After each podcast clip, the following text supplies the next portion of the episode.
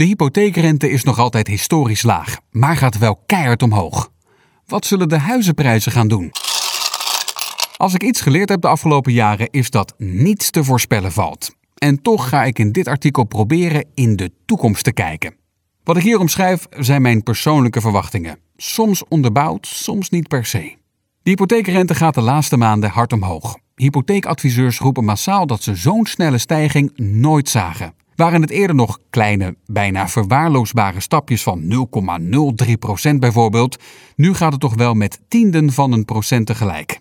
En door alle onzekerheid in de wereld zal dat waarschijnlijk voorlopig nog zo doorgaan. Wat betekent dat nu voor de huizenprijzen? Niet onbelangrijk wanneer je een huis wilt kopen of al een huis hebt. De huizenprijzen zijn de laatste jaren hard gestegen, mede door de lage rente.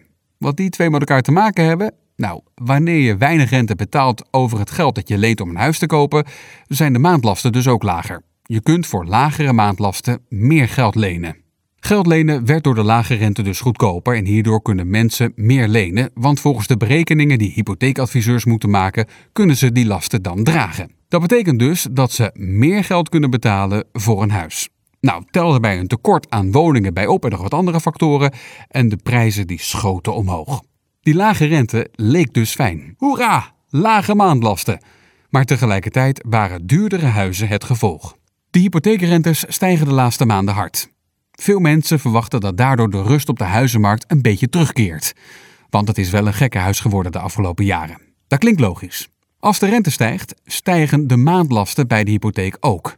Je gaat meer rente over je lening betalen en dus wordt de lening duurder. Het zou dus kunnen zijn dat mensen daardoor minder geld kunnen lenen. De maandlasten die vorig jaar nog te doen waren, zijn straks misschien niet meer te dragen op hetzelfde inkomen. En daardoor is het mogelijk dat die extreem hoge woningprijzen wat gaan afvlakken. Maar het logische verhaal is niet altijd het hele verhaal. Het zou ook kunnen dat mensen juist nog even snel een woning willen bemachtigen nu de rente stijgen, bang om straks meer rente te moeten betalen.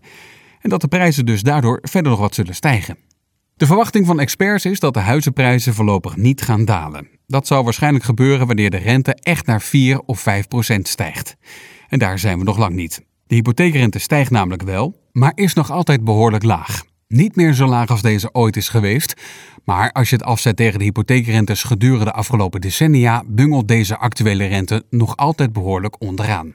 Wat betekent dit voor starters? Nou, dat de hysterische groei er waarschijnlijk wel uitgaat. Prijsstijgingen van 20% per jaar gaan we vast niet meer zien. Maar een daling is ook nog niet in zicht. Al weet je dat natuurlijk nooit zeker. Vooral niet bij de onrust in de wereld nu. Want ook dat heeft invloed op de hypotheekrente. Onder mensen die al een hypotheek hebben, is er nu een run om de hypotheek over te sluiten. Mensen willen nog snel een lagere rente afsluiten voordat die kans verkeken is. Dat kan slim zijn. Is dat iets waarvan je denkt dat dat voordelig voor jou is? Dan zou ik razendsnel een afspraak maken bij een goede hypotheekadviseur. Want de lijn omhoog is nu al ingezet.